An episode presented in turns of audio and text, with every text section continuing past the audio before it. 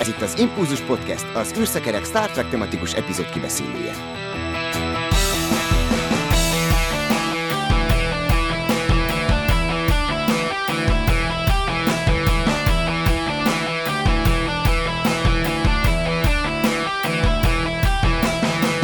Köszöntöm a kedves hallgatókat, az Impulzus Podcast 231. adásába most belevágunk, hogyha esetleg rátok tört az érzés, hogy Star Trek-et néznétek, az Álomvilág című epizódot tudom javasolni, amit pont most fogunk megbeszélni az új nemzedékből, és Vince Miklós fizikus lesz a segítségünkre, aki erősíti itt a csapatot. Szervusz Miklós! Sziasztok! Szerkesztőtársam is jelen van, őt is sok szeretettel köszöntöm, szervusz Dév! Sziasztok! Én pedig Csaba vagyok. A Star Trek és a tudomány kéz a kézben járnak, sokszor beszámolunk mi is arról, hogy számtalan tudóst inspirált a sorozat, de most uh, itt van velünk egy fizikus, úgyhogy lehet, hogy inkább azt kérdezem, hogy vannak-e olyan aspektusai tudományosan ennek a sorozatnak, vagy akár a mai epizódnak, amik nem öregedtek túl jól szerinted. Azt tudom rólad, Miklós, hogy nem vagy rajongója a töltsér alakú féregjáratnak, de mentségükre szóljon a készítőknek, hogy Kip Thorne akkoriban még nem segített nekik, tehát lehet, hogy ez volt a legjobb megoldás, ami akkoriban alkalmazható volt. Na igen, hát ugye azt kérdezted, hogy van-e olyan, ami nem öregedett jól, szerintem olyan nincs, hanem olyan van, ami már abban a pillanatban is hülyeség volt, amikor megcsinálták, és most is az, de olyasmit, az egy nehezebb kérdés, hogy van-e valami olyasmi, ami olyan valós fizikaszerű dolognak tűnhetett a Star Trek idejében, és ma már tudjuk, hogy nem. Talán valamikor én azt képzelem legalábbis, hogy mintha lett volna valamilyen mellék, tudományos blablában utalás a hideg fúzióra az egyik epizódban. Ebben nem vagyok százszerzelékosan biztos, de azért itt mondom el, hogy kiavítsatok, hogyha nincs így.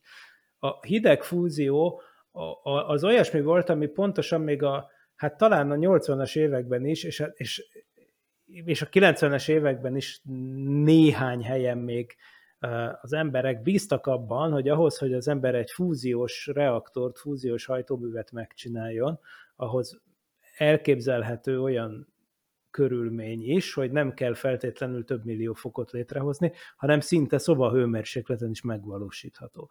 Később kiderült, hogy ez teljes déli bábkergetés volt, mert egy számítási hibán alakult, alapult, ami több nagyságrendi tévedést tartalmazott, de egy időben még eléggé divatos volt, olyannyira, hogy például ezt látjuk megjelenni én szerintem a Vissza a jövőbe filmekben is, amikor az egyik epizódban a jövőből jön vissza, a, vagyis a jövőben látogatnak el, és ott láthatjuk, hogy egy ilyen kicsi, pici uh, fúziós cucc van, hogy bele, beledob valami szemetet a DeLorean hátába a dokki, és akkor működik. Banánhéjat. Igen, és akkor ezzel működteti a fluxuskondenzátort, ami amint majd később az epizódban talán szóba kerül valamilyen módon a fluxus kondenzátor kapcsolódik is a ma kibeszélések előadáshoz, de én azt hiszem, hogy valami hideg fúziós utalást egyszer félállomban hallottam egy Next Generation-os adásban is. Na most uh, itt rákerestem erre, mert uh, nem emlékeztem fejből erre, és van egy ilyen, hogy Cold Fusion Device, kérlek Igen. szépen, ezt a Spock pottyantotta bele a Nibiru-nak a vulkánjába, oh ez az Into Darkness című mozifilmben akkor, volt ja, az, az elején. Az még akkor a The Next Generation előtti. Vagy utáni. Vagy utáni. Ja. Hát a, a filmek igen. utána gyártották, a időben igen. előtte játszódik. Igen, igen, igen. Na, oké, okay, akkor lehet, hogy erre emlékeztem, és akkor ez úgy oké. Okay. Ja, tehát akkor igen. Ezt manapság valószínűleg, ha mostanság írná, írnák a forgatókönyveket, és mondjuk Kip Thorne vagy akárki fizikus beülne a szakértő testületbe, akkor valószínűleg a cold fusionre való minden utalás kikerülne belőle. A, a, fe, a töltséreket illetően persze igaza van, a, igazad van, hogy azt én szoktam kritizálni, megtettem már sok fórumon, Parallaxis podcastban, meg talán itt is, meg volt, hogy együtt leültünk egy asztalhoz, és emberek előtt fikáztam a jelenlétedben. Nyilvánosan. Azt, hogy, a nyilvánosan szóvá mertem tenni, hogy egy féregjárat az nem úgy néz ki, hiszen ugye az egy, akkor néz neki úgy, mint egy töltsér, hogyha egy kétdimenziós térben élnénk, vagyis egy, ami egy háromdimenziós, mit tudom én, térnek egy altere lenne, és akkor lenne egy ilyen harmadik dimenzió, akkor, akkor lenne töltsér alakú, de mivel mi egy háromdimenziós térben lakunk, ami elképzelhető, hogy egy négydimenziós univerzumnak idézőjelben vett felülete, ilyen módon persze nem töltsérként látnánk a sokat szerepeltetett ilyen-olyan féregjáratokat, hanem egy gömbszimmetrikus objektumként. Ahogy egyébként például a Kiptorn felügyeletével készített Interstellárban szépen be is mutatják. De nagyon-nagyon kevés az olyan példa egyébként a science fictionben, a filmekben, ahol ezt jól megcsinálják, tehát ezzel konkrétan a Star Trek-et kipécézni az kicsit szivatás lenne. Azon azért mindig felszisszenek a The Next Generation-t nézve, ahogy száguld az Enterprise, és ott látjuk, ahogy a csillagok mozognak. Tehát ott ott, ott azért valami elég furcsán van elképzelve arról, hogy azok a csillagok mekkorák, és milyen messze vannak egymáshoz és az űrhajóhoz képest, viszont nagyon jól néz ki. Olyan, mint ilyen hópihék Igen. szállnának az űrhajó Igen. mellett. Igen. Egyébként szerintem az Interstellar rendbe rakta Hollywoodot, tehát utána már a Star Trekben is olyan formájúak a féregjáratok, mint ami ott megjelent, Kip Thorne útmutatása alapján. Nekem azért jutott eszembe ez az egész téma, mert pont amikor ezt az epizódot, a mai, majd később kibeszélt történetet fogjuk gorcső alá venni, ott volt egy ilyen, ez nem hiba, de elgondolkodtatott engem, amikor a holofedélzeten kikapcsolják a szereplőket. Azt mondjuk, hogy töröld ezt a szereplőt. Na most azt a szereplőt akkor törli, mikor kimondja valaki, hogy törölje, vagy kéne egy végrehajtás parancs is, mert ugye, spoiler, az epizódnak a végén Barkley azt mondja, hogy töröld az összes programomat, jó hosszú szünetet tart, kivéve a kilencest. De hát mire kimondja azt, hogy kivéve a kilencest, már letörölte az egész archívumot. Tehát szerintem kéne egy enter billentyűnek megfelelő végrehajtás parancs, ami Vagy van egy direkt törlést- várakoztatás, mint ahogy a Gmailbe is be van építve az, hogy direkt néhány másodperccel később Aha. vedd észre, küldje el, ugye?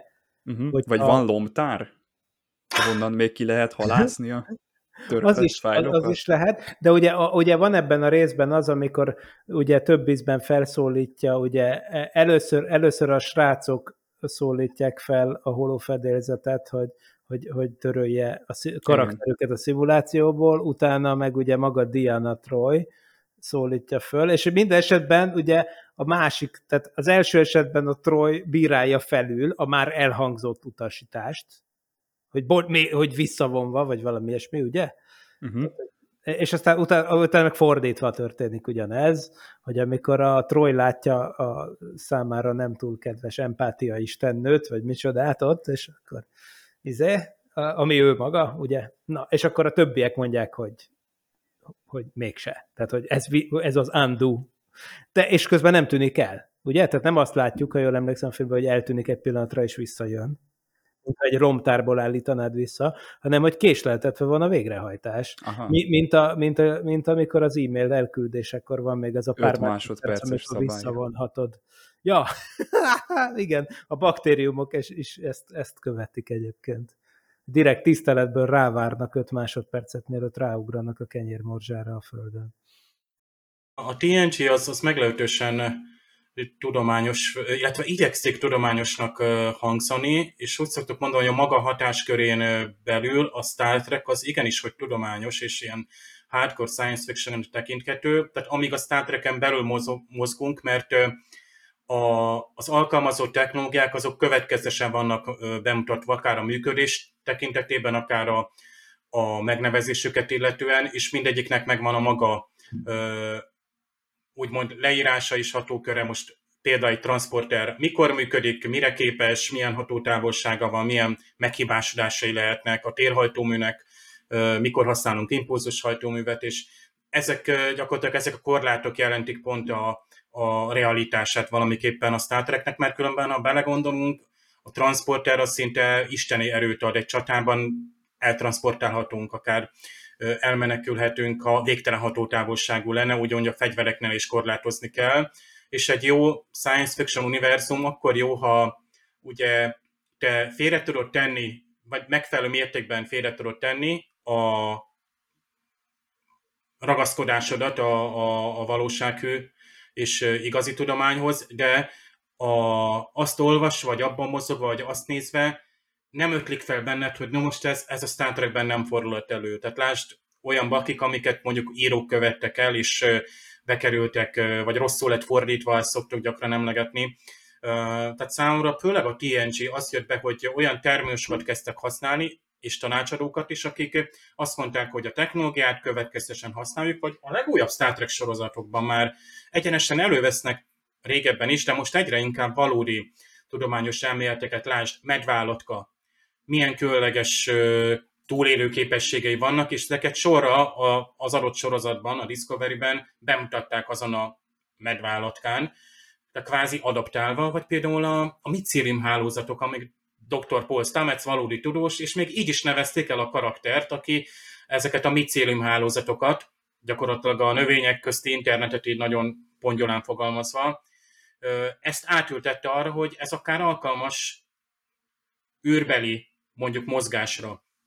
Csodálkozom, hogy például a kvantum összefonódás nem alkalmazta még a Star Trek, mert az remek kommunikációs lehetőség lenne, még ha nem is a transportálás, mert ezt azt hiszem pont Miklós, te mondtad egy talán szokolébresztőben, hogy a kvantum összefonódás, tehát hogy egy részecske és egy távoli részecske állapotot gyakorlatilag, amelyek összefonódtak, úgymond tükrözik egymást. Még lehet, hogy kommunikációnak sem lenne alkalmas, lásd mondjuk a marsi, nem tudom hány perces kommunikációs időközt leküzdve, mert igazából tehát nem, nem az történik, mint hogy a Star Trekben az úgynevezett szubtéri kommunikációban, hogy valós időben tudunk a fénynél gyorsabban, tehát nem rádióhullámokkal kommunikálni. De gyorsan még, mert gondolom erre szeretném Miklós reagálni, még egyet megemlítek, hogy a Star Trekben mi az, ami elavult, mert ezt pont nemrég hallottam egy német podcastban, a Ferma utolsó tétel, talán így, így van a Star Trekben is említve, amit még Pikár kapitány a TNG-ben valamikor a második évadban próbál kibogozni, és azt mondja, hogy ott van Fermá odaírt, hogy bizonyítást találtam, nyilván Pikárdnak ez egy ilyen szabadidős időtöltés, és ez még 87-ben belekerülhetett, vagy 88-ban a, a Star Trekbe, úgyhogy van egy megoldatlan tétel. Viszont a 90-es években, ha jól tudom, tényleg lett erre megoldás, és a Star Trekben elavult, hogy Picard kapitány a 24. században még mindig keresi a megoldást hobbi szinten a, a, a Fermat meg a Voyager szondák. A, a Star Trek The Motion Picture, aminek gyönyörű példány ott van nála Csaba. Hát ott a Voyager 6-os szondát említik. Egy bizonyos az még lehet. Figyelj, lehet. És 79-ben még mondhatta a Star Trek akkori írója, a filmnek az írója, hogy lehet, hogy lesz hat Voyager szonda, amit kibocsájtanak addig, vagy elindítanak a 23. századig. Tehát ez Ezt akár... még most is mondhatjuk, hát lehetnek ilyen nosztalgia járatok, vagy valami. Pikárnak is dobhatunk egy mentővet, mert azt hiszem, hogy volt egy olyan magyarázat, hogy az, ami a 90-es években született levezetés, hát az nem túl felfogható, uh-huh. meg nem túl elegáns, vagy nem, igen, mindig van nem akarom kritizálni a, a, a kedves matematikus, mert sokat dolgozott rajta, tehát azt Igen. tudom, hogy évekbe tellett, de Picard lehet, hogy talált valami rövidebb. Én is csak alá tudom támasztani, mert nekünk gimnazista korunk vége felé, amikor még úgy ráértünk, és olyan ilyen tulajdonképpen... Ti is neki álltatok. Nem, a, igen, de nem ennek, hanem a négy szintételnek, amire egyébként ezer, azt tudjátok, az az, hogy bármilyen térképet ki lehet színezni úgy ilyen politikai térképet, de bármilyen elképzelt alakzatot, és nem csak síkon, hanem zárt felületeken is, ki lehet színezni úgy, hogy négy szín elég legyen hozzá, úgy, hogy ne kerüljön egymás mellé négy, ne, ne kerüljön egy, egymás mellé kettő azonos színű ország. Hm. ahol igazából nyilván a csúcsos határokat azt nem számított határnak, tehát a csak egy pontban összeérő országok, például Colorado állam, ugye ott vannak ilyen, ilyen, ilyen izék, vonalzós határok, ugye egy, pont, egy pontos határosság az nem számít, ugye, mert akkor gyorsan találtok ellenpéldát, de, de, de hogyha ilyen véges hosszúságú határszakaszokat nézzünk, akkor ez egy tétel. Az öt szintétel bizonyítása az benne volt a faktos matek könyvünkben. A négy szintétel bizonyítására, ami ugyanez öt színnel az öt szintétel, bármilyen térképet ki színezni öt színnel. Négy szintétel bizonyítására, az 70-es évek óta van bizonyítás, de az egy számítógépes bizonyítás. És az egy, és ilyen értelemben brutálisan ronda, tehát élő ember nem nézte végig, hanem az volt az első eset, amikor elfogadták matematikai bizonyítástak azt, hogy, hogy sikerült leredukálni a problémát véges számú, de még mindig végig, szám, végig ellenőrizhetetlenül sok esetre, és azt egy számítógép végignézte. De, de ilyen értelemben nincs ember, aki ezt felfogja, és mi igenis, még, még 30 évvel később is azzal szórakoztunk, hogy a négy szintételre találjunk egy szép bizonyítást. Na, de hát Dave azért szerencsére valamennyire megvédte a Star Trek-et, mert ugye én és Miklós kötekedési szándékkal érkeztünk, vagy hát én bevállalom, enyém volt az alapötlet, és Miklós csak belerángattam, de természetesen csak szeretettel tettük mindezt a Star Trek-et, imádjuk, hiszen csináltunk neki egy külön műsort is. Igen, hát furcsa én... lenne, ha olyan műsornak csinál, olyan filmnek csinálnátok egy külön műsort, sok száz részen keresztül, amit mindenki utál. Arra vannak podcastok, amik például hát ez egy Ilyen jó kis, jó kis szifiknek a valóságtartalmáról Igen, de az beszélnek. mindig egy másik. Tehát az olyan, mintha mi csinálnánk, eh, például a Parallaxisban csinálnánk száz részt arról, hogy a mag az milyen szar. Hát, ha jól hallottam, így fű alatt már nem a mag a legrosszabb film, hanem a Volcano is. A, a Nibiru, uh, ez tök jó, hogy Csaba mondtad, mert végig gondolkoztam, mert hallgattam ezt a bizonyos ö, adást, hogy a Spock elhangzik, a Dante Speak című filmben elhangzik, hogy jaj, Mr. Spock, Spock és a vulkán, és ezt Miklós, te mondtad, hogy, hogy ez, ez nekem eszembe so jutott, én, mint Star Trek rajongó, és ezt a filmet is szeretem, hogy ö, csak nekünk magyaroknak olyan egyértelmű, hogy a, a vulkán bolygó és nép, hogy a Star Trekben, és a vulkán szó, az ugye nagyon összefügg, míg az amerikai, vagy az angol nyelvben ugye a volcano és a vulkán, tehát a vulkanológia, meg a, a vulkán, mint bolygó, az nem rögtön ugrik be, nem annyira uh, triviális, mint nekünk így, hogy hú, ez tök ugyanaz, és Mr. Spock az biztos egy vulkán belsében él. És hát persze a Mr. Spock volt egy vulkán belsében, és ez nem jutott eszembe, hogy mert tudtam, hogy nagy mozifilmben volt és újban, de hogy tényleg az Into Darkness elején volt, csak hogy a Spockot azt hiszem kisugározták, mert ő is, ő meg úgy, hát ő nem betontömbökkel fagyasztotta, vagy állította meg a vulkánt, hanem ugye ő meg lefagyasztotta valamilyen anyaggal tehát kvázi ő, ő is bebetonozta abban a filmben, tehát itt is lehetne elindítani ennek a tudományosságának, hogy vajon le lehet-e fagyasztani egy vulkánt. Ez, ez Hát, vagy, vagy, vagy az biztos, hogy egy vulkánit le lehet fagyasztani. Hát Spock az időnként... Igen. Most a Star Trek védelmében volt, hát ugye Rick Sternbach meg Okuda akik ugye nagyban hozzájárultak a Star Trek technológiának képernyőn megjelenéséhez, ők mm. írtak egy ilyen könyvet, amiben gyakorlatilag végigmennek az összes technológiám, és teljes résztességgel, tehát akár azt mondják, hogy a, a térhajtóműnek a diagramjai itt vannak, hogy vajon hát hogyan működik, tehát gyakorlatilag abban a fiktív technológiában gyönyörűen ki van fejtve, vagy akár például a transportálásnak a folyamatát. Itt három oldalon keresztül, az az öt másodpercig, amíg a transportálás zajlik, odáig, onnantól, hogy diagnosztika, mintavétel, pufferelés, stb. végig elemző, hogy ott mi történik, és itt elektronvoltok és gigahercek vannak leírva, tehát gyakorlatilag egy műszaki kézikönyv, tehát stílusában teljességgel, mint egy autó. Abszolút. Egy, egy user's manual. Tele van diagramok, pontosan. Igen. És ha, tehát ilyet írtak, és a Star Trek készítői kvázi kanonizálták azt, hogy későbbi írók ha a transporterrel szeretnének valamilyen meghibásítást beleírni, akkor ezt felüthetik, és azt mondhatják, hogy oké, okay, itt történhet egy mondjuk egy puffer hiba, történhet egy másodperc alatt ilyen hiba? Na igen, le van írva műszakilag. Tehát ilyen univerzumon nem nagyon tudok, ami ennyire megalapozott a, a kvázi technológiát, vagy a műszaki Jó, de azért ehhez kellett idő, hogy kiforjon. Nem? Tehát azért az eredeti ez sorozatban... Után, ez már igen, a igen, igen. Az eredeti sorozatról, meg az eredeti mozifilmekről szoktuk azt mondani, az egy, az egy teljesen másik korszak. Ott az kvázi majd, majd hogy nem olyan, hogy abban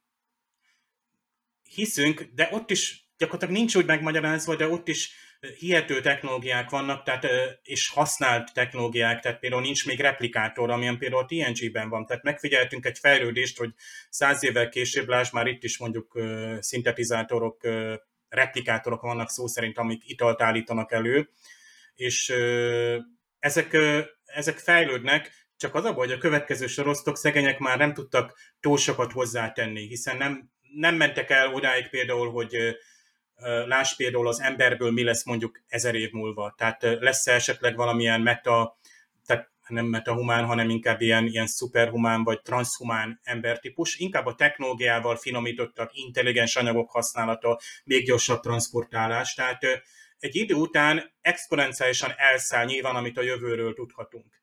És így a Star Treknek a 80-as években elképzelt 24. század, meg a 2010-es, 20-as években elképzelt szintén 24. vagy nem tudom, 32. század, tehát egyre kevésbé tudjuk megmondani ilyen realisztikusan, mint a TNG, hogy az a jövő mennyiben fog tényleg ilyen lenni. Hát az biztos, hogy volt az eredeti sorozathoz is írói biblia, és a TNG-hez is. Ez nem műszaki tartalmú volt, viszont Gene Roddenberry kikötötte, hogy legyen magyarázat mindenre, amit a képernyőn látunk, és ne csodaként apostrofáljuk az ott lezajló folyamatokat, hanem racionális magyarázatot tudjunk társítani a jelenségekhez, amik kibontakoznak előttünk. Figyelem! A műsorban spoilerek bukkanhatnak fel.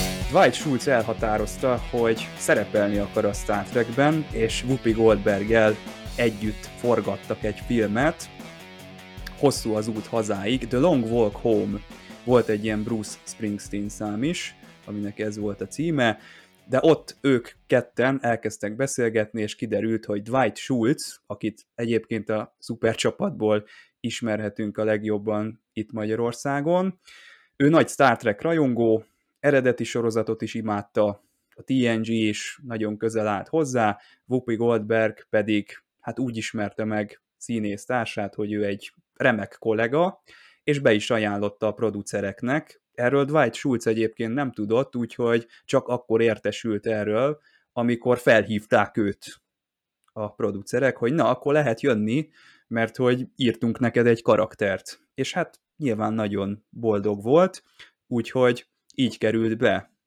Dwight Schultz a Star Trekbe először, de nem utoljára. Az Álomvilág című epizódról beszélünk, továbbra is Vince Miklós, fizikus a vendégünk, Dév szerkesztőtársam, velük fogok beszélgetni, én pedig Csaba vagyok.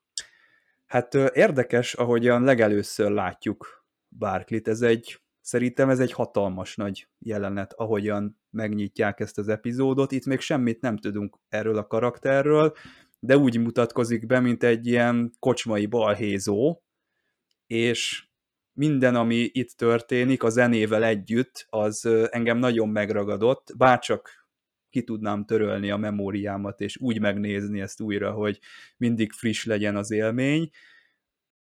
Amikor kirakok az impulzus csoportba egy zenét, akkor már lehet tudni, hogy nekem nagyon megragad, ugye a, a talp alá való, és akkor, akkor ott valami történik. Itt különösen akkor, amikor a Troy is elkezd beszélni, valami olyan érzés fogott el, hogy azt a mindenit, micsoda soundtracket tettek ide ez alá a, az egész epizód alá, meg ide a jelenet mögé. Na de Miklós, neked így hangulatilag hogy tetszett ez az egész, meg a karakter, aki bevezetésre került, ahhoz mit szólsz? Hát a karakterrel valahogy nem tudtam semmit kezdeni igazából, azt meg kell, hogy mondjam. Tehát egy igazából tényleg egy teljesen jellegtelen figurának tűnik végig, de egyébként pont az benne a jó, tehát ez igazából az a kisember típus, akit megismerhetünk a 20. századi irodalomból, akár mhm. Kafkánál, vagy valahol. A tehát, ember. Igen, vagy a csinovnyik, a csinovnyik halálában, vagy ott, ott, vannak, ott vannak ilyen karakterek, ugye? Tehát ilyen, ilyen Szóval ilyen 19. század végi, 20. század elején bejön az irodalomba is ez a, ez a karakter, és, és érdekes, hogy, hogy ilyen űrbeli történetben nem ilyenekhez vagyunk hozzászokva. Ugye? Tehát az volt a jó, hogy ez egy olyan esendő fickó volt, akit én speciál, azért néhány Star Trek epizódot én is láttam, meg, meg rengeteg egyéb science fiction, de mint hogy Amerikában nem nagyon divat eleve bemutatni az embereknek ezt az esendő oldalát, ami gyakorlatilag az, hogy, hogy őt mi mindent összefantáziál, meg izé, ugye, és hogy közben pedig olyasmit csinál, ami úgy nem írdomos, meg ilyesmi, hogy ezt azért úgy nem, tehát ez az Enterprise-on sem szokott így megjelenni. Tehát nyilván vannak ilyen külső szemétládák, vagy, vagy valami ilyesmi, de hogy úgy van egy igazán esendő ember, aki így hibákat követel, és, és ez, ez tök, jó volt, tök jó volt, és ennek ellenére nem sikerült úgy magamban összehaverkodni ezzel a brokkoli nevű fickóval, de, vagy bocsánat, hogy is van bár, bárki, de igen, hát valahogy ez. Amúgy egyébként zseniálisan meg van csinálva az összes holodekkes jelenet, meg minden, tehát ez abszolút 10 pontos. Én szerintem főleg a Star Trekben szokatlan egy ilyen típusú karakter, nem tudom, hogy Roddenberry mit szólt, vagy konzultáltak a vele, de itt ugye alapvetően nyilván konfliktust okoz az, hogy mindig elkésik valaki, mindig rá kell szólni, mindig foglalkozni kell vele, és nem egy példás magatartást látunk, holott a, a csillagflotta az Riker valahogy definiálja is, hogy itt nem ez a standard. Igen, de ez tök jó, mert tényleg ez, hogy, ilyen, ilyen paródiákban mindig elképzeltem, hogy milyen vicces lenne, hogy például lenne egy ember, aki mindig elkésik, vagy akinek nem működik az a kis izé, pittyegője, mert lemerül benne az elem, és akkor ez, ez, bocsánat, nem értettem, ismételd meg, de ez, hogy minden mindig annyira flottul megy, holott, holott mi is mielőtt ezt így, ezt a beszélgetést itt, itt összehoztuk ezen a felületen, jó, hogy meg csak a 21. század van, de elszerencsétlenkedtem 10 percet, mire rájöttem, hogy a kamera kamerámon rajta van egy, rajta van egy kis mechanikus takaró, ugye? Szóval igen, de ilyenekből tök jó lenne látni. Egyébként abban bízom, tudjátok, miben bízom? Hogy majd a Tarantino majd belerak ilyeneket. Hát lehet, hogy ő belerakna, hát, csak már eltávolodott a Igen, az már nem lesz. Már nem, nem lesz. Ó, basszus, én még abban a tudatban éltem, mivel hogy egy, egy kő alatt élek, hogy, hogy az van, hogy, hogy ő fogja csinálni a következő filmet. Nem lesz ponyvaregény az űrben most De, már. Ó, basszus, hát pedig azt azért megnéztem volna. Hát, hogy a Best Brigantikban ki volt az a rendkívül precíz hát tiszt, aki ugye megpróbálta kideríteni, hogy tehát utána járni ott, hogy ki, a, ki kibújtott zsidókat.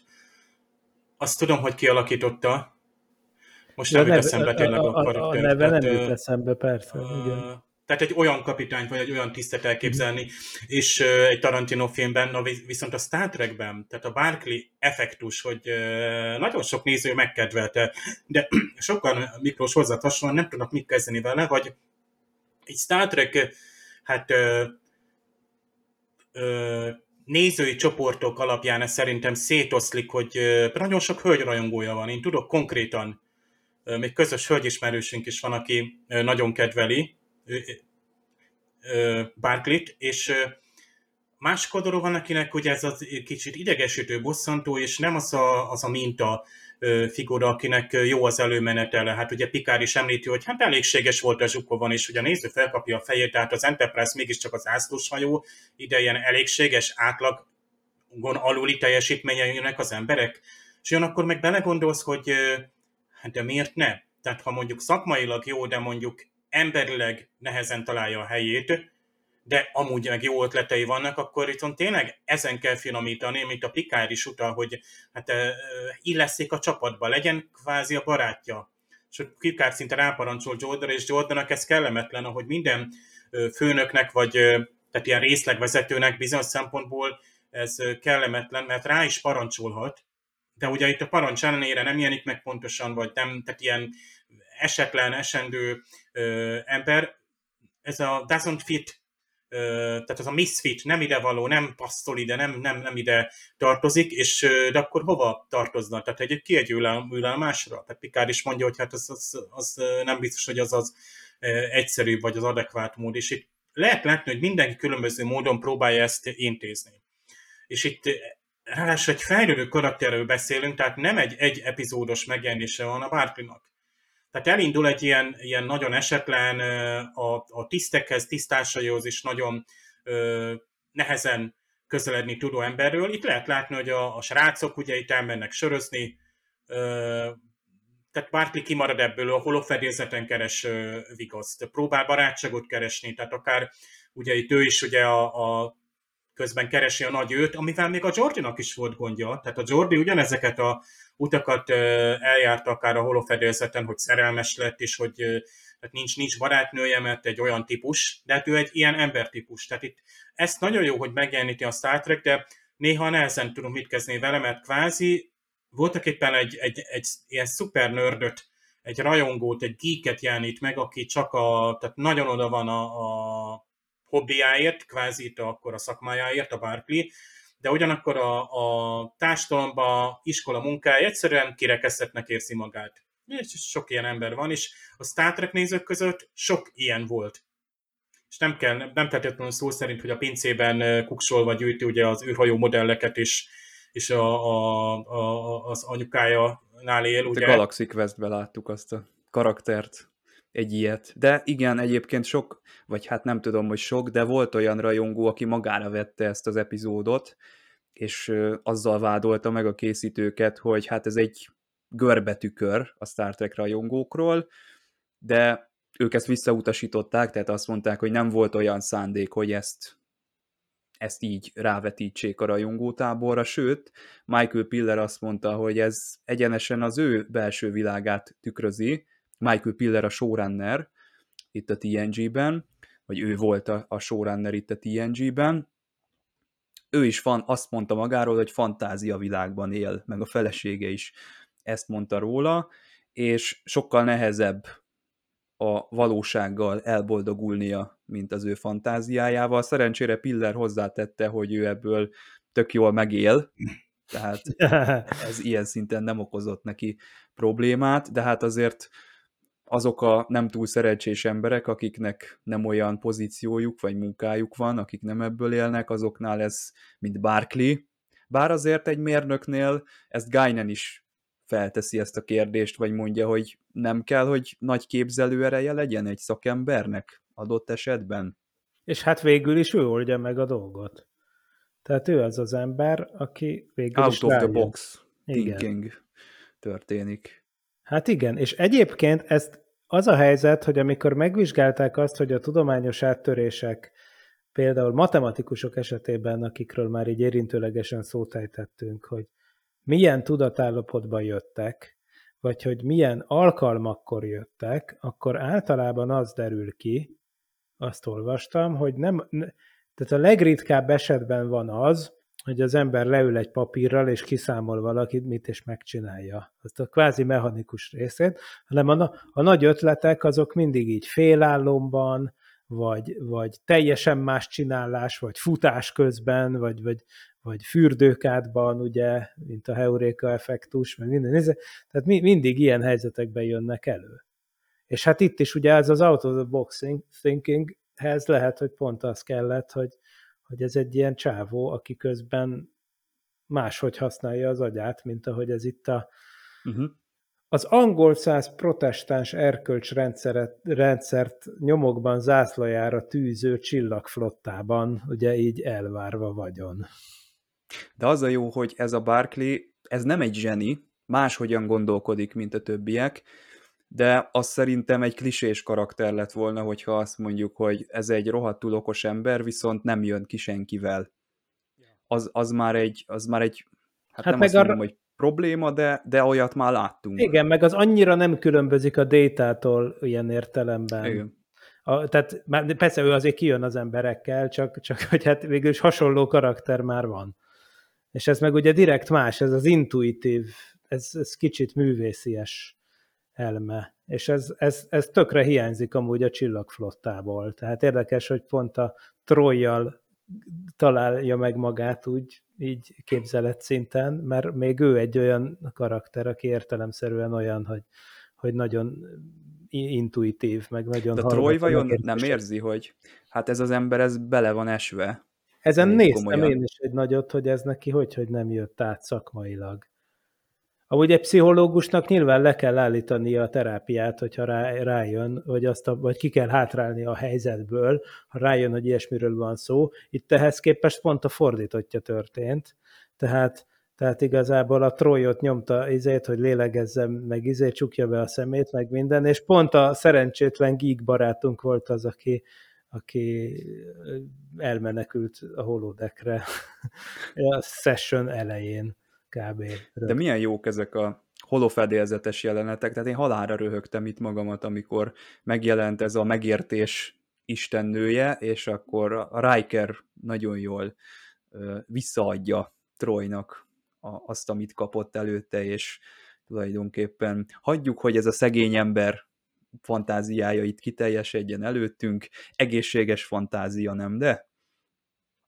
Hát, hát ez, pont ez jókor kapcsoltak oda, mert egyébként természetesen kell, hogy létezzen ennek mindenki képzeletében egy pornó verziója is, csak azt a korhatár verzió nem engedte bemutatni. Hát az Orville-ba ezt volt ja? ilyen. Ah, okay. Tehát ezt meg az előbb ugye mondtad a, azt, hogy hogy sikerült itt összekapcsolódnunk adás előtt, és nekem mindig volt egy ilyen várakozásom a Star Trek-kel, hogy süssék el ezt a poént, hogy így nem kapcsolódnak össze a képernyőn a hídon, és így várni kell, még talán egy ilyen Skype hangot is be lehetne játszani, vagy valami hasonlót, és hát az Orville-be természetesen ezt megcsinálták, hogy valaki nem jól helyezkedett el ott a képernyő előtt, és megkérte a egyébként tök ellenséges hajónak a kapitányát, egy Krill kapitányt, hogy egy kicsit üljön már odébb, mert nem nem jó az egész beállítás, tehát ezt úgy lelőtték, és az a pornófüggőség is azért ott volt a, az Orville-ben, és az Orville általában bátran lecsap ezekre, amiket a TNG-ben még nem lehetett elmondani,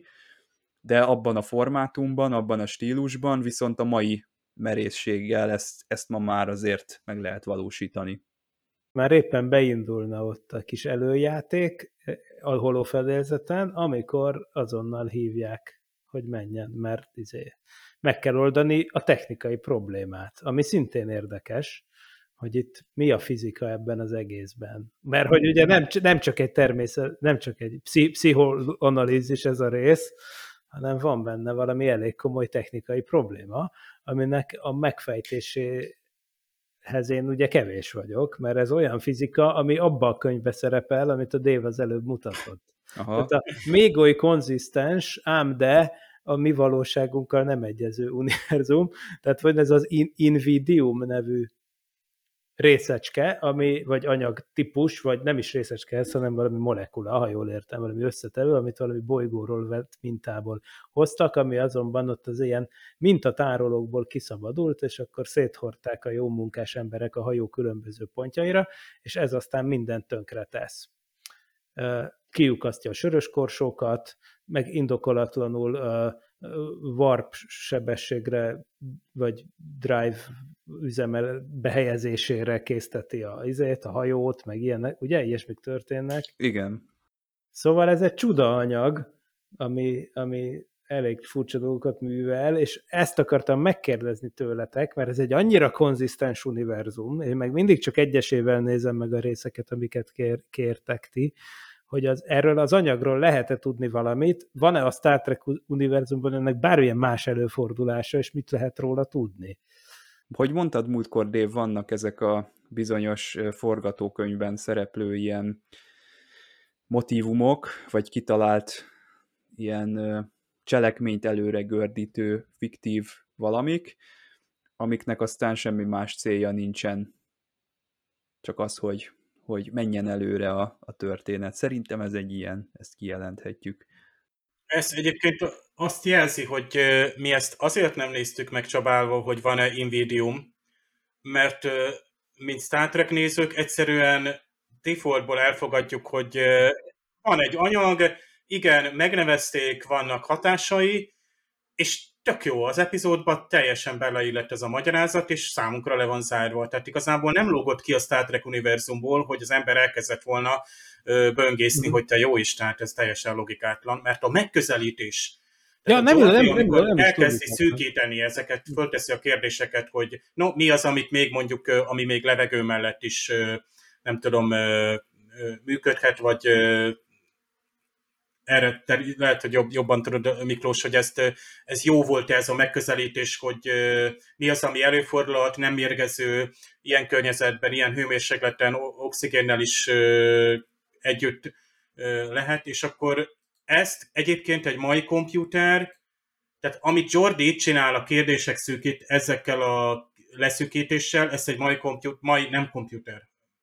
Tehát egy, egy EMI amelyik uh-huh. okozható összefüggéseket keres, az már rég megtalálta volna. Tehát ez a Jordi, amikor szinte kiabál, hogy mi az összefüggés, hogy mi, mi, mi lehet az összefüggés, keresünk olyan anyagot, olyan hatást, amit a szenzorok nem érzékelnek, vagy a mi szenzoraink, vagy a mi rendszereinkben nincsenek benne. Hát aztán ezt a Barkley mondta. De ezt mondhatta volna a komputer is, amikor Jordi kiad egy parancsot, hogy komputer elemezt, hogy mi okozhat ilyen hatást. Tehát milyen van ilyen, ilyen hatás. És komputer átnéz mondjuk tízzer ö, ilyen diagnosztikát vagy esetet, és elkezdi szűkíteni a precedenseket, és előbb-utóbb ö, ki fogja dobni azt, amit a Jordan egyébként így szépen vissza, amúgy nagyon látványos, meg imádjuk a TNG-ben, a TNG ugye ez egy beszélő sorozat.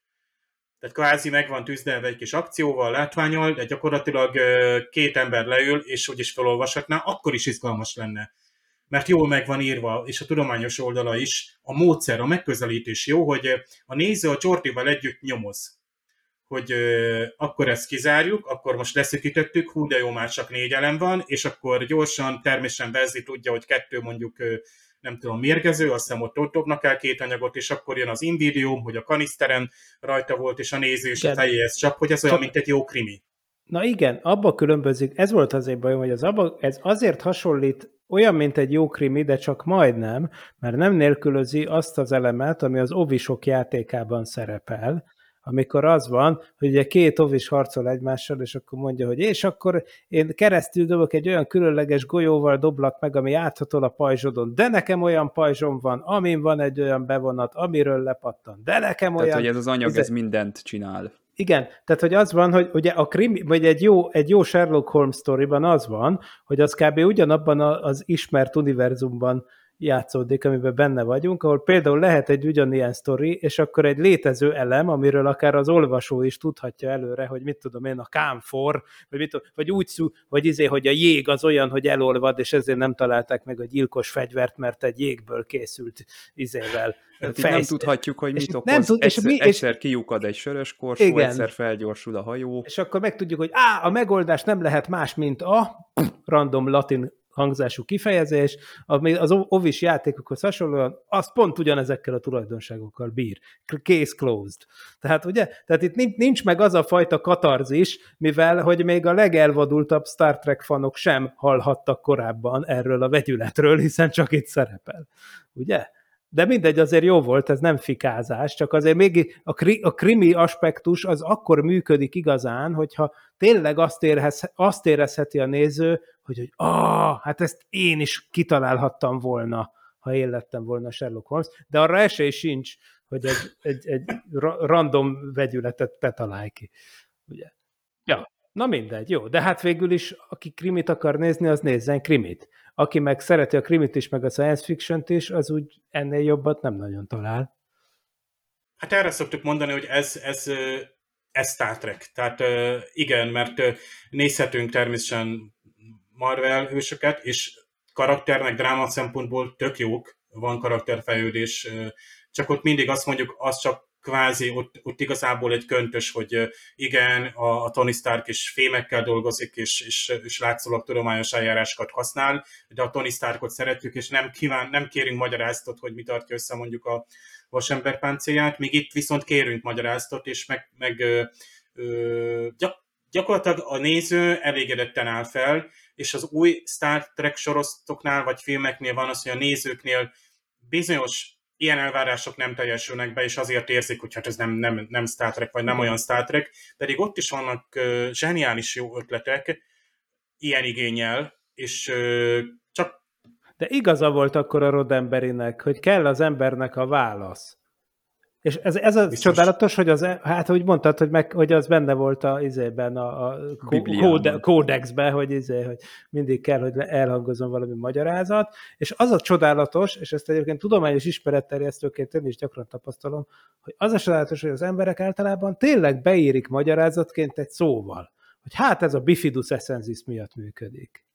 Kész. Ez az izé, a, izé, az inter, intelligens részecskék miatt működik ez a sampon, vagy a bifidus actiregularis miatt segíti a bérflórát, vagy izé, és akkor ugye, és akkor elhangzott, és akkor, ah, ez az, jó, kész. Be, be, betöltöttük azt a slotot, ami az agyunkban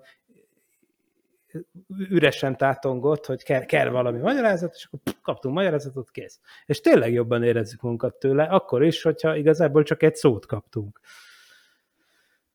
Na, hát föltettem még nehéz kérdéseket az adásnaplóban.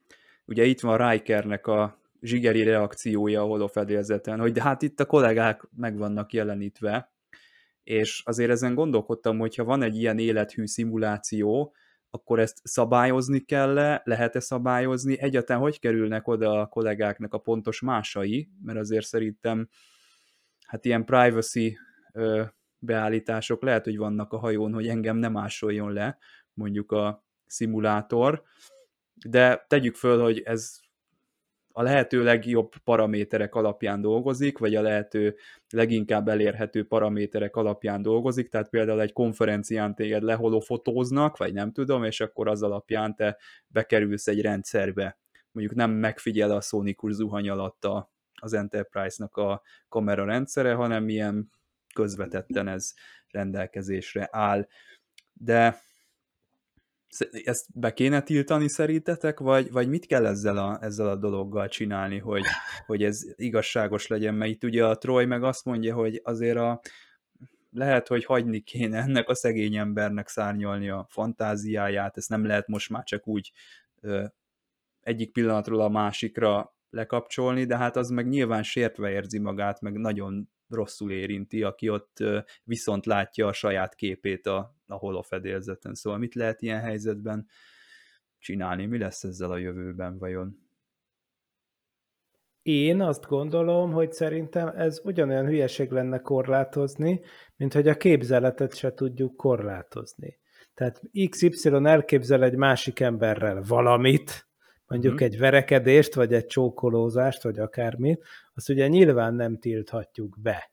Legfeljebb meg lehet mondani, hogy ez gondolatbűn, vagy mit tudom én, és ennyi benye, de hát ugye nem tudod betiltani. Most onnantól kezdve a holofedélzet az csak egy ugyanolyan megjelenítési eszköz, mint hogy az ember mondjuk egy papírra lerajzolja a vágyait, vagy szoborból vesz egy darab vödörnyi gipszet, és kifaragja belőle, vagy izé, tehát, hogy igazából morális szempontból szerintem ez nem különbözik attól, mint hogyha én mondjuk nagyon vágyom valamilyen jelenetre, és azt én lerajzolom egy papírra. Ugye? Hogy nézegessem ezt, hogy ezzel stimuláljam vissza a saját agyamat. Mert ugye funkcióját tekintve ugyanezt csinálja a holofedélzet is, csak technikailag sokkal fejlettebb szinten. Szofisztikáltabb. Hát, igen, igen, de, de hát valójában, valójában morálisan ugyanaz történik, és én nem hiszem, hogy ezt tiltani lehetne, hogy én mit tudom én, a kis fantáziáimat lerajzolom egy füzetbe, és ezt néha előveszem a fiókból, és nézegetem, és elképzelem, hogy hű, izé. tehát, hogy szerintem az, az diktatórikus intézkedés lenne, ha ezeket tiltanák. Az mm. megint más, hogy a nyilvánosságra kerülés. Tehát ez például tök érdekes, hogy ezek a, a megfelelő meghatalmazással te, bíró emberek egyszerűen belesétálhatnak másnak a holó izéjébe az mondjuk inkább agályos szerintem. Tehát ha már, ha már valami agályos ebben, az az, az hogy, hogy egyszerűen kb. lenyomozható a legtitkosabb fantáziáid ilyen módon. Tehát akkor legyen kimondva ez, hogy a holodeckben mindenki azt képzel, amit akar, és akkor don't ask, don't tell. Tehát legyen Igen, de mi van, policy. hogyha tehát úgy megy be a Riker, hogy most már ebből elég, tehát ott kéne lennie a hídon a Barkley-nak. Mi van, hogyha a Barkley ott valakivel vívás közben megsérül, leszúrták, mert kikapcsolta a holofedélzetnek a biztonsági protokollját, és ott fekszik holtan a holofedélzet közepén.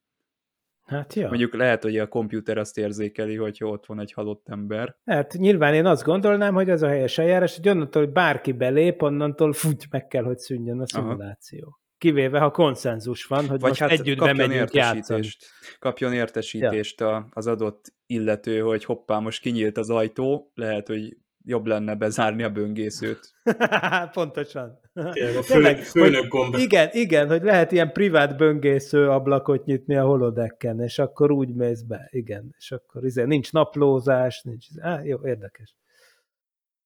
Hát naplózás, tehát téged például lehet, hogy a holofedézet rögzít is, miközben ott tevékenykedsz. Sőt, hát mondjuk a, a Lower Decks sorozatból tudjuk, hogy hát a, a holofedélzeten folyó tevékenység után maradnak tehát különböző termékek, amelyeket az emberek ott hagynak esetleg bizonyos ö, cselekmények után, és azt ki kell takarítani, és bizony az zászlósoknak ott, ez egy rajzfilm sorozat, ugye, tehát ott az, az a poén, hogy ugye a holofedélzeten van, aki ott megy vécére is, a többi és egyéb dolgokat végez, és gyakorlatilag ki kell ott, nem tudom, almozni, vagy nem tudom, de ilyen vödrökkel szedik össze, mert ugye azok viszont valós anyagok, mert az összes többi anyag az ugye, hát még ma sem tudjuk, hogy ott repli, replikálnak, mert valaki a holofedezten megvacsorázik, tehát hogy kvázi replikátort... Ö, Annyi hát, kérdést vet föl ez az egész. Most óriási spoiler, mert Barclay később holo függőséggel diagnosztizálják, illetve transporter fóbiával, tehát ő neki még kiár ezekből a dolgokból. Tehát van, amikor ő napokig a holofedezten alszik. Tehát kvázi ott lakik, tehát nem a saját lakásában. Beverlinek a ölébe ilyen, hagyja a fejét. De hogy annak nincs hát, addig munkája? Ja, hogy csak oda megy aludni. Ja, értem, hát nem az, hogy ott lenne. van több napon keresztül. Egy szimulációban megy, amit, amit, amit nagyon szeret.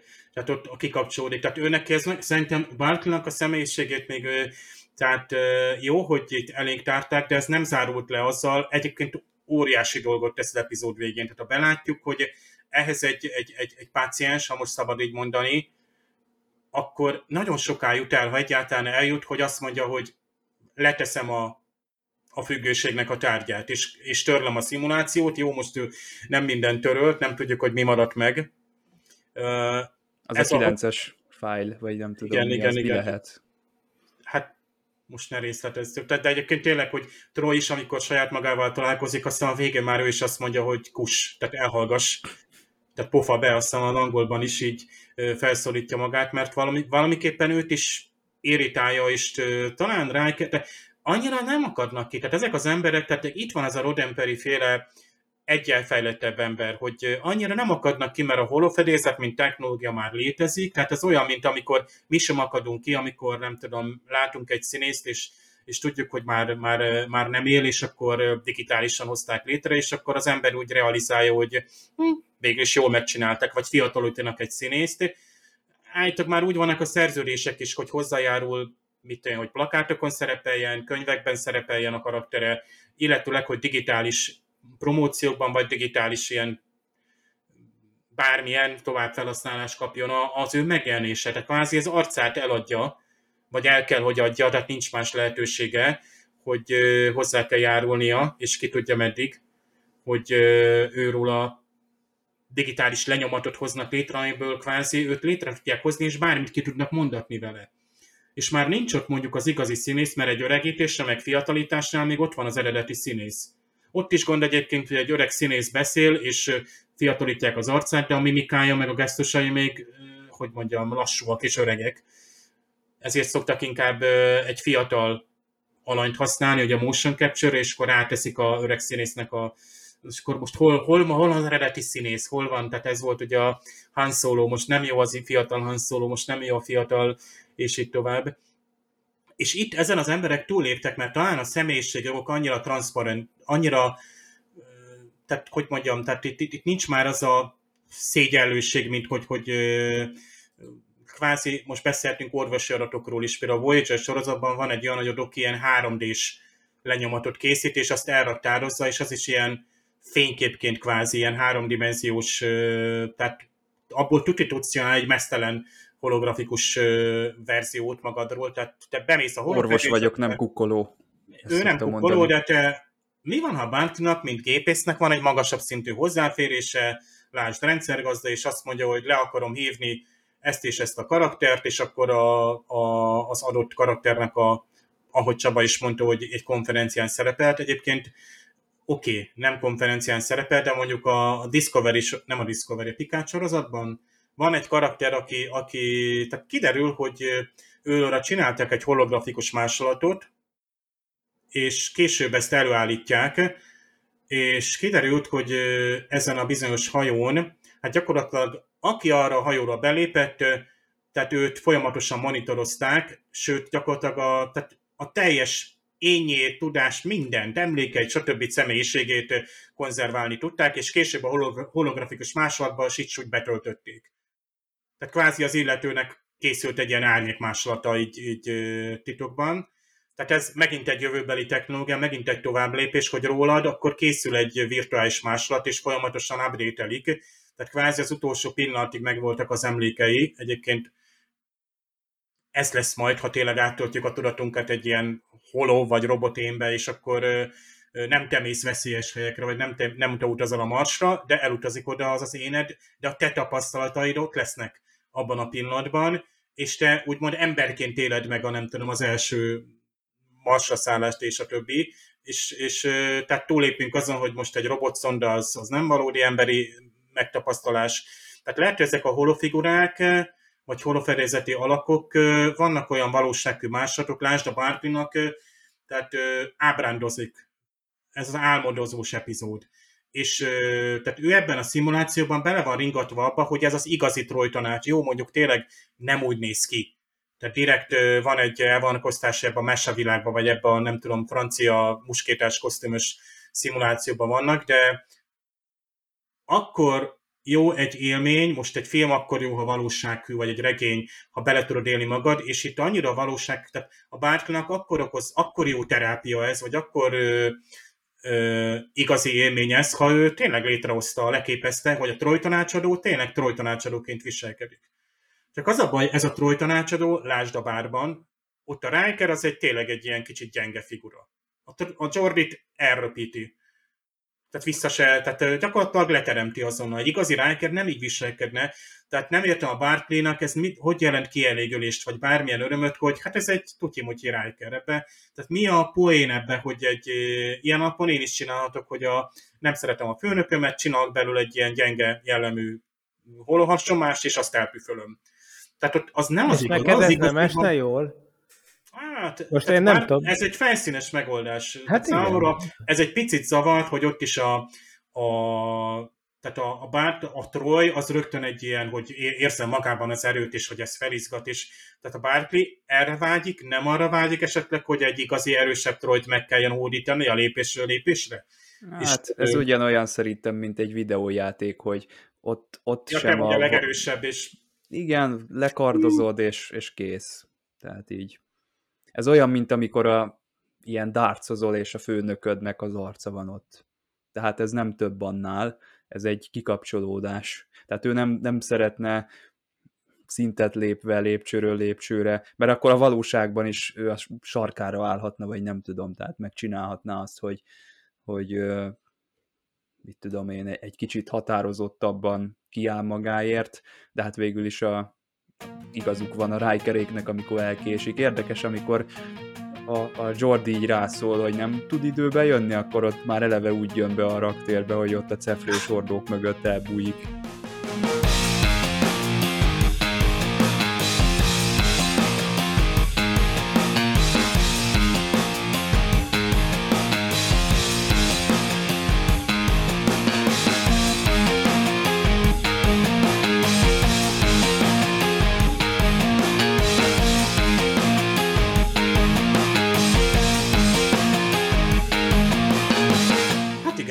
Emlegettük már, hogy itt holografikus Rikerrel találkozunk, és hát Barkley előszeretettel ki is osztja, hogy Riker nem más, mint egy üres fejű, egyenruhába bújtatott próbababa, aki csak a talpnyoláshoz ért. Az eredetiben nagyon jó ez a full of hot air, tehát pretty mannequin, fancy uniform, tehát ez nagyon jó, jól hangzik. És érdekes, hogy a Barkley-nak nincs a Pikárral közvetlenül konfliktusa, de tulajdonképpen érzi, hogy az ügye, neveztesen, hogy mindig tehát problémás esetről van szó, az előbb-utóbb a Pikárhoz jut, és így, így gyakorlatilag egy ilyen ellenérzése van a Pikárral kapcsolatban. És igazából ezt, lehet, hogy ezt éli meg itt. Tehát ez is egy, tehát ahogy mondom, ez szerintem egy ilyen terápia volt ez a holo szimuláció számára.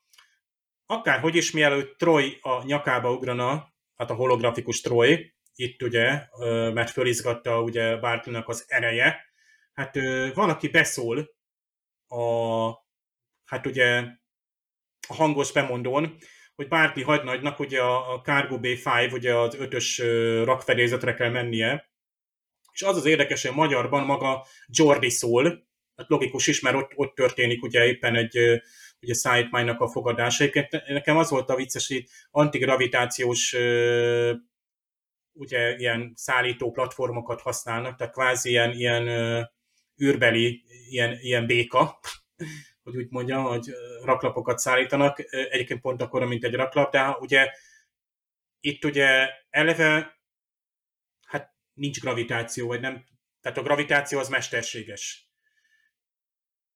ezt esetleg majd valamikor meg lehetne beszélni, hogy szükség van-e antigravitációs ilyen szállítóeszközökre egy, egy Star Trek epizódban. Akárhogy is maga Jordi Lafoch szól, és érdekes, hogy őt előpüfölték el és ment ki, de hát nyilván az a hologramkus változata van, csak a magyar változatban szerintem spóroltak a hangokon, és ugye a, a barát István szólaltatta meg. Aztán később, hát Jordi bizony elkezd panaszkodni a, a Barkley-ra, Érdekes, hogy ez azért pszichológiailag ez érdekes, hogy továbbadja a feje felettesének, tehát dedikálja ezt a problémát, sőt aztán az egész megy uh, Pikárhoz is.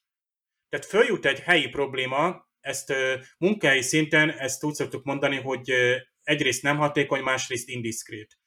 Tehát ha én ezt a hatáskörömen belül teszem azt, egyébként nagyon jó, mert aztán azt hiszem talán Riker is így félrevonja a Jordi nem a Jordi, hanem a Barpit, és úgy mondja, hogy hát itt az Enterprise-on nem ezt szoktuk meg, szedje össze magát, stb. Nem a többiek előtt hordja le. Ez nagyon korrekt hozzáállás.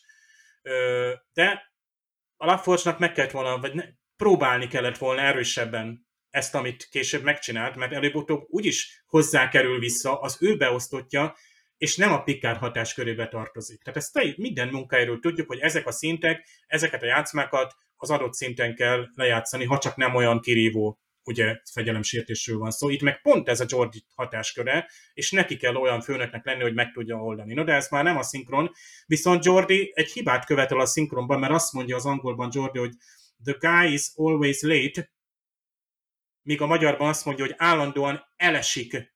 Hát én szerintem állandóan elkésik, és tudjuk, hogy elkésik. Talán félregépelték, vagy félre írták, vagy mondták ezt a, a szöveget is.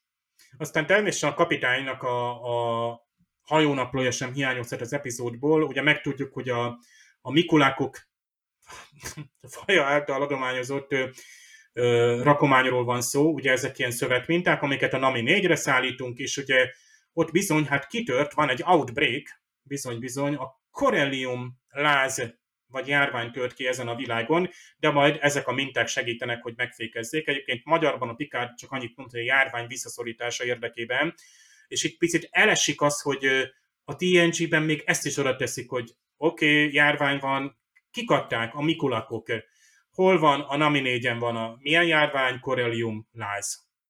Úgyse fogunk, soha nem tudjuk meg, hogy mi a Corellium láz, milyen tünetei vannak egyáltalán. Biztos nagyon veszélyes, meg már kitört, és csak ezzel lehet megfékezni, és sietni kell, de hát a magyarban nyugodtan rá lehetett volna mondani, főleg azért, mert képen kívül beszél a Vargati József, tehát a fordító fölöslegesen hagyta ki, és ezek ilyen nüanszok a Star amiket én többszörös nézés után észreveszünk és kukacoskodunk. Aztán én azért kukacoskodtam és háborogtam, és szerintem még az is lehet, hogy ti is észrevettétek, hogy egyszer csak a a Picard a Jordi hangján kezd el beszélni, de nem azért, mert ö, egy hasbeszélő lett, vagy valami baja van, hanem hogy a szinkron hangsáv eltódott ritkán, de előforduló, bosszantó hiba.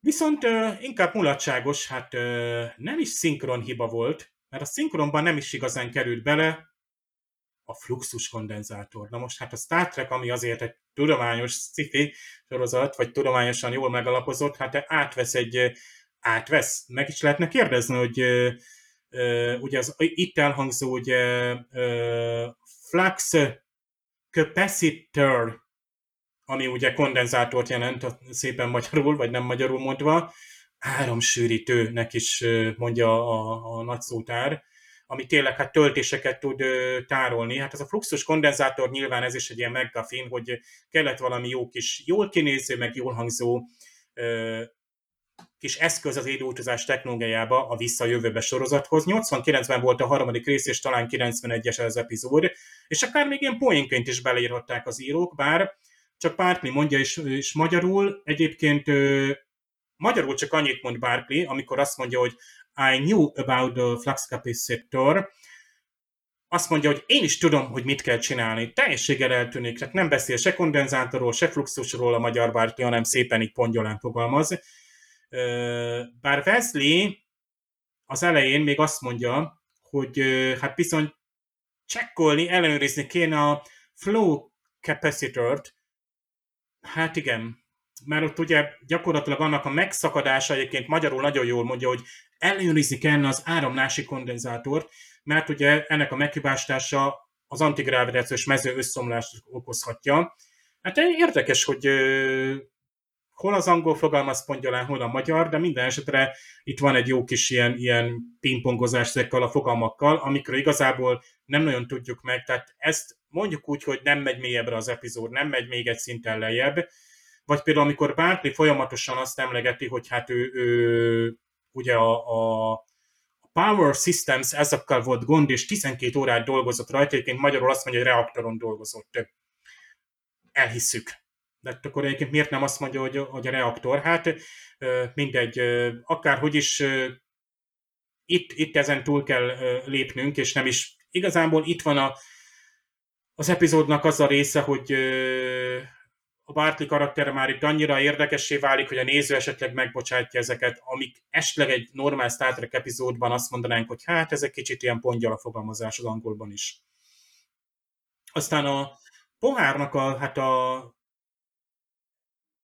torzolása, az viszont nagyon érdekes, főleg azért, mert ilyet, ilyet nem, nem nagyon láttunk, ugye az első tünete ennek a, az anyag jelenlétének, és itt nagyon szépen leírják, hát Déta nagyon szabatosan megfogalmazza, hogy ugye itt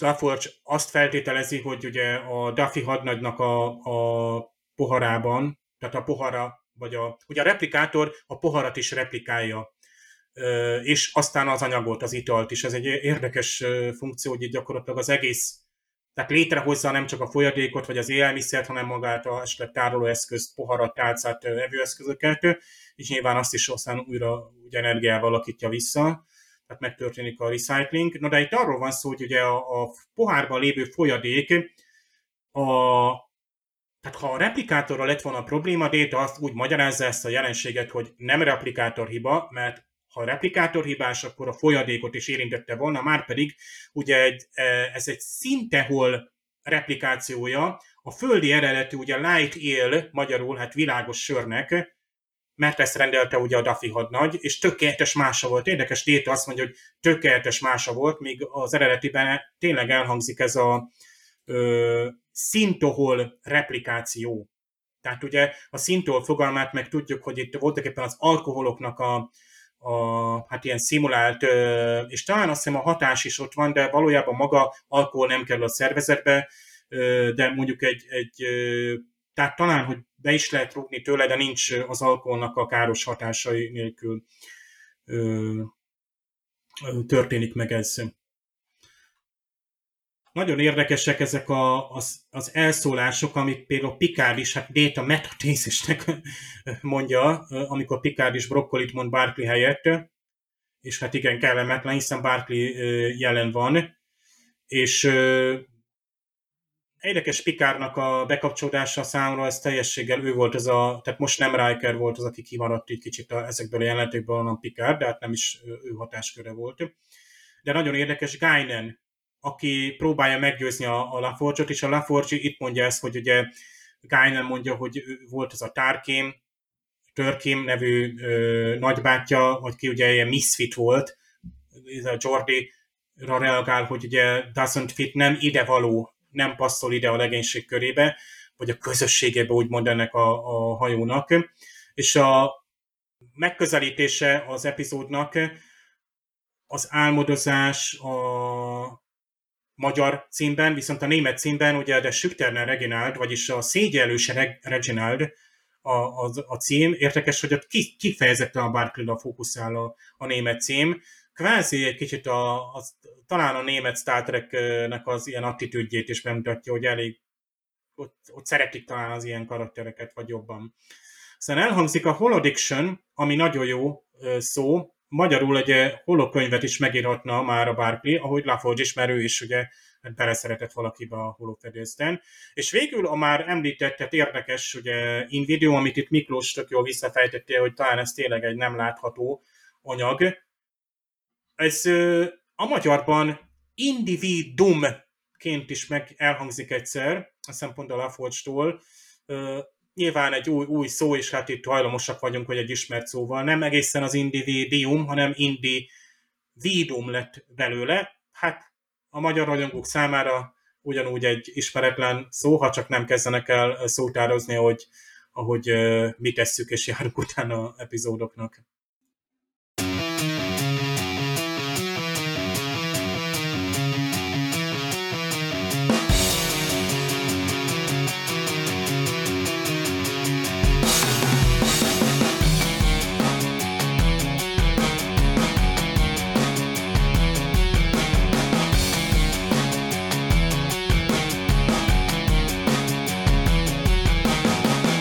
Ez a Barclay hadnagy nem csak egy individuum, hanem egy novum a Star Trek történetében. Ilyet még nem láttunk, és ez egy hatalmas, én azt mondom szintlépés a sorozaton belül.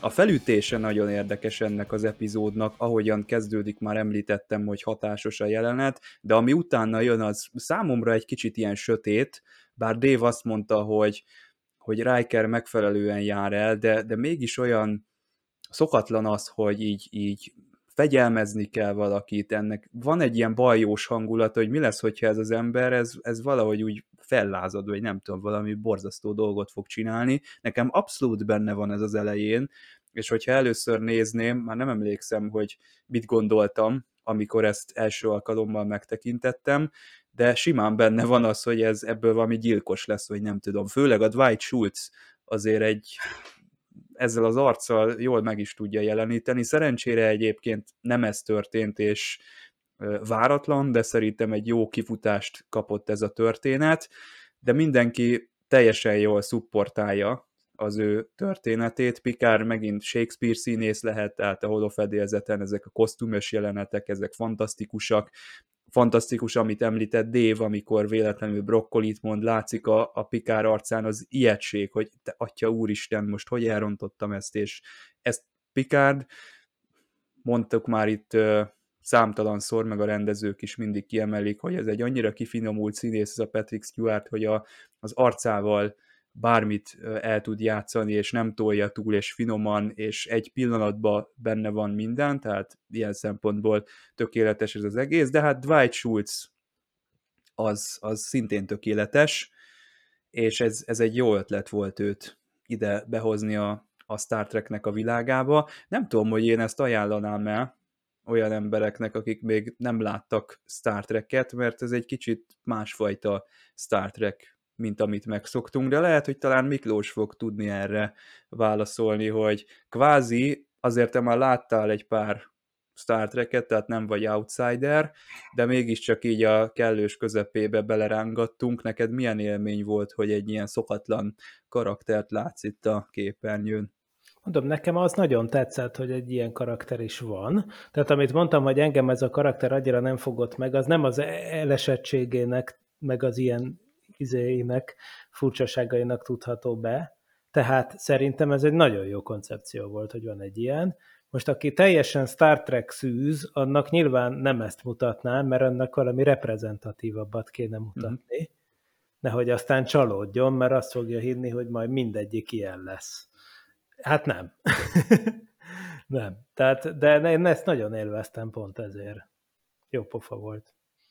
Én nekem az újranézéskor, hát hogy az elején rögtön felnyögtem, hogy most jön ez az epizód, és akkor, és akkor láthatom megint a, a Barkley-nak a, az ügyetlenkedéseit. A másik oldalon újra nézve teljesen ott van előttem a karakter, tehát aki, aki elfogadható, és amilyenek bizonyos élethelyzetekben majd, hogy nem mindannyian voltunk, vagy akik Star nézünk, talán, talán van a, tehát nehéz lenne egy közös nevezőt mondani a Star Trek nézőkre, tehát nem lehetne azt mondani, hogy csak kizárólag geekek, mert tényleg tehát 60-an túli hölgyek is nézik a, a tracket, és nyilván más aspektusát szeretik, mint amúgy mondjuk középiskolás srácok, akik, akik tehát tényleg megragad az, hogy, hogy itt kvázi működő tudományos környezetet látunk. Egyébként volt egy olyan regény sorozat, sajnos csak regény sorozat, mert egy ilyen, ilyen filmsorozatot is megnéznék, és szerintem nem lenne unalmas,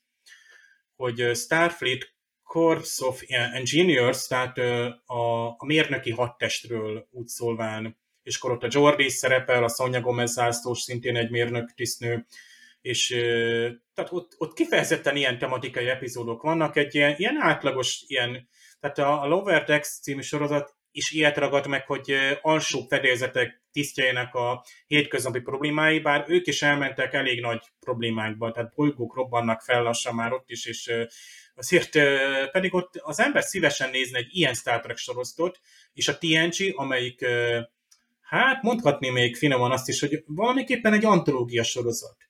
Tehát néha hoz egy bizonyos tematikát, amikor elővesz, tehát akár a, a technológia határai, erkölcsi határok, a, legyen az a, a, az emberiség és a más folyok viszonya, és a többi. Van, amikor kifejezetten egy akciódús rész, politikai témájú, vagy kifejezetten a, a dráma, a személyiség és karakterközponti epizódok. És ezek nagyon jól elférnek ugye a 26 epizódos évadokban.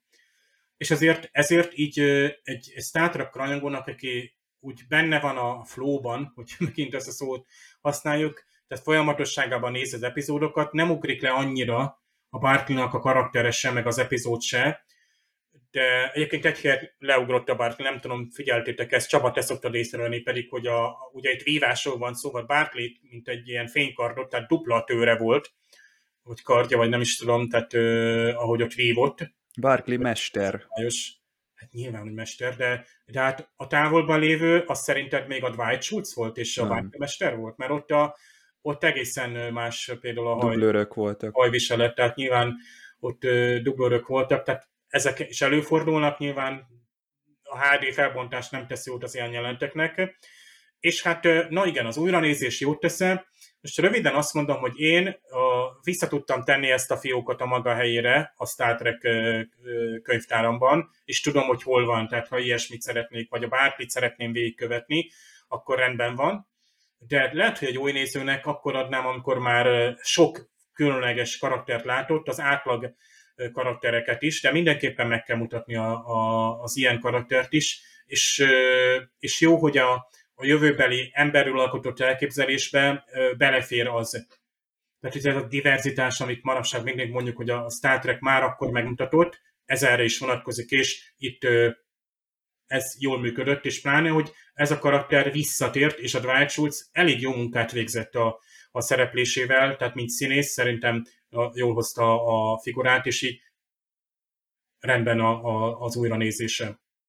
Na, Miklós, már csak arra kell sort keríteni, hogy van-e valami oka, hogy Jurassic Park pólóban jelentél meg a felvételen, ami nem baj, csak kérdezem, hogy... Ja, ez nem, ez egy teljes véletlen, de, de vélet, véletlenül egy jó utalás a legutóbbi megjelent Parallaxis podcastra, amiben másodszor beszéltünk a Jurassic Parkról a Parallaxis podcastok történetében, de most az adta az alkalmá, adta a dolognak, hogy már ugye kiteljesedett mindkét trilógia hiszen a nyáron bemutatták a Jurassic World. Ja, ez a Chris a Chris Prettes őrületnek a harmadik epizódja is kijött, és most ezt az alkalmat is kihasználtuk, mert ugye az ember mindig talál magának valami jó ürügyet arra, hogy Jurassic Parkról beszélgethessen, úgyhogy ez most eléggé adta magát, tehát ez, ez is volt.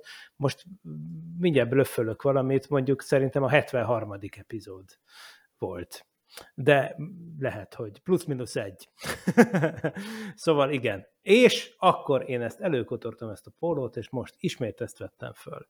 Hú, én most a fejemhez kaptam, mert azt hiszem, hogy te megkérdezted abban a parallaxisban tőlem, hogy akkor most a Jurassic Parkot én ugye végig fogom nézni, mert hogy ott a, azt az első részt tárgyaltuk ki, és hát azt kell, hogy mondjam, hogy nem nagyon, elfelejtettem a Elveszett világnak fordított című második részt már megtekinteni, erről a Chris Pratt trilógiáról már nem is beszélve, tehát erős lemaradásban vagyok a szériával. Nem tudom, ezt az újat, ezt mennyire érdemes egyébként Hát figyelj, megnézni. amikor a régi, amikor a, nem a régin nőttél föl, akkor szerintem annyira nem biztos, hogy érdemes, mert igazából az egészben egy ilyen nagy izé, retro faktor van. Tehát Aha. előszedték a régi szereplőket, meg mindenféle e, tengernyi utalást a, a régebbi történetekre, és hogy ugye én azt nem tudom kivonni belőle, tehát nem tudom olyan lobotómiát végrehajtani magamon, hogy,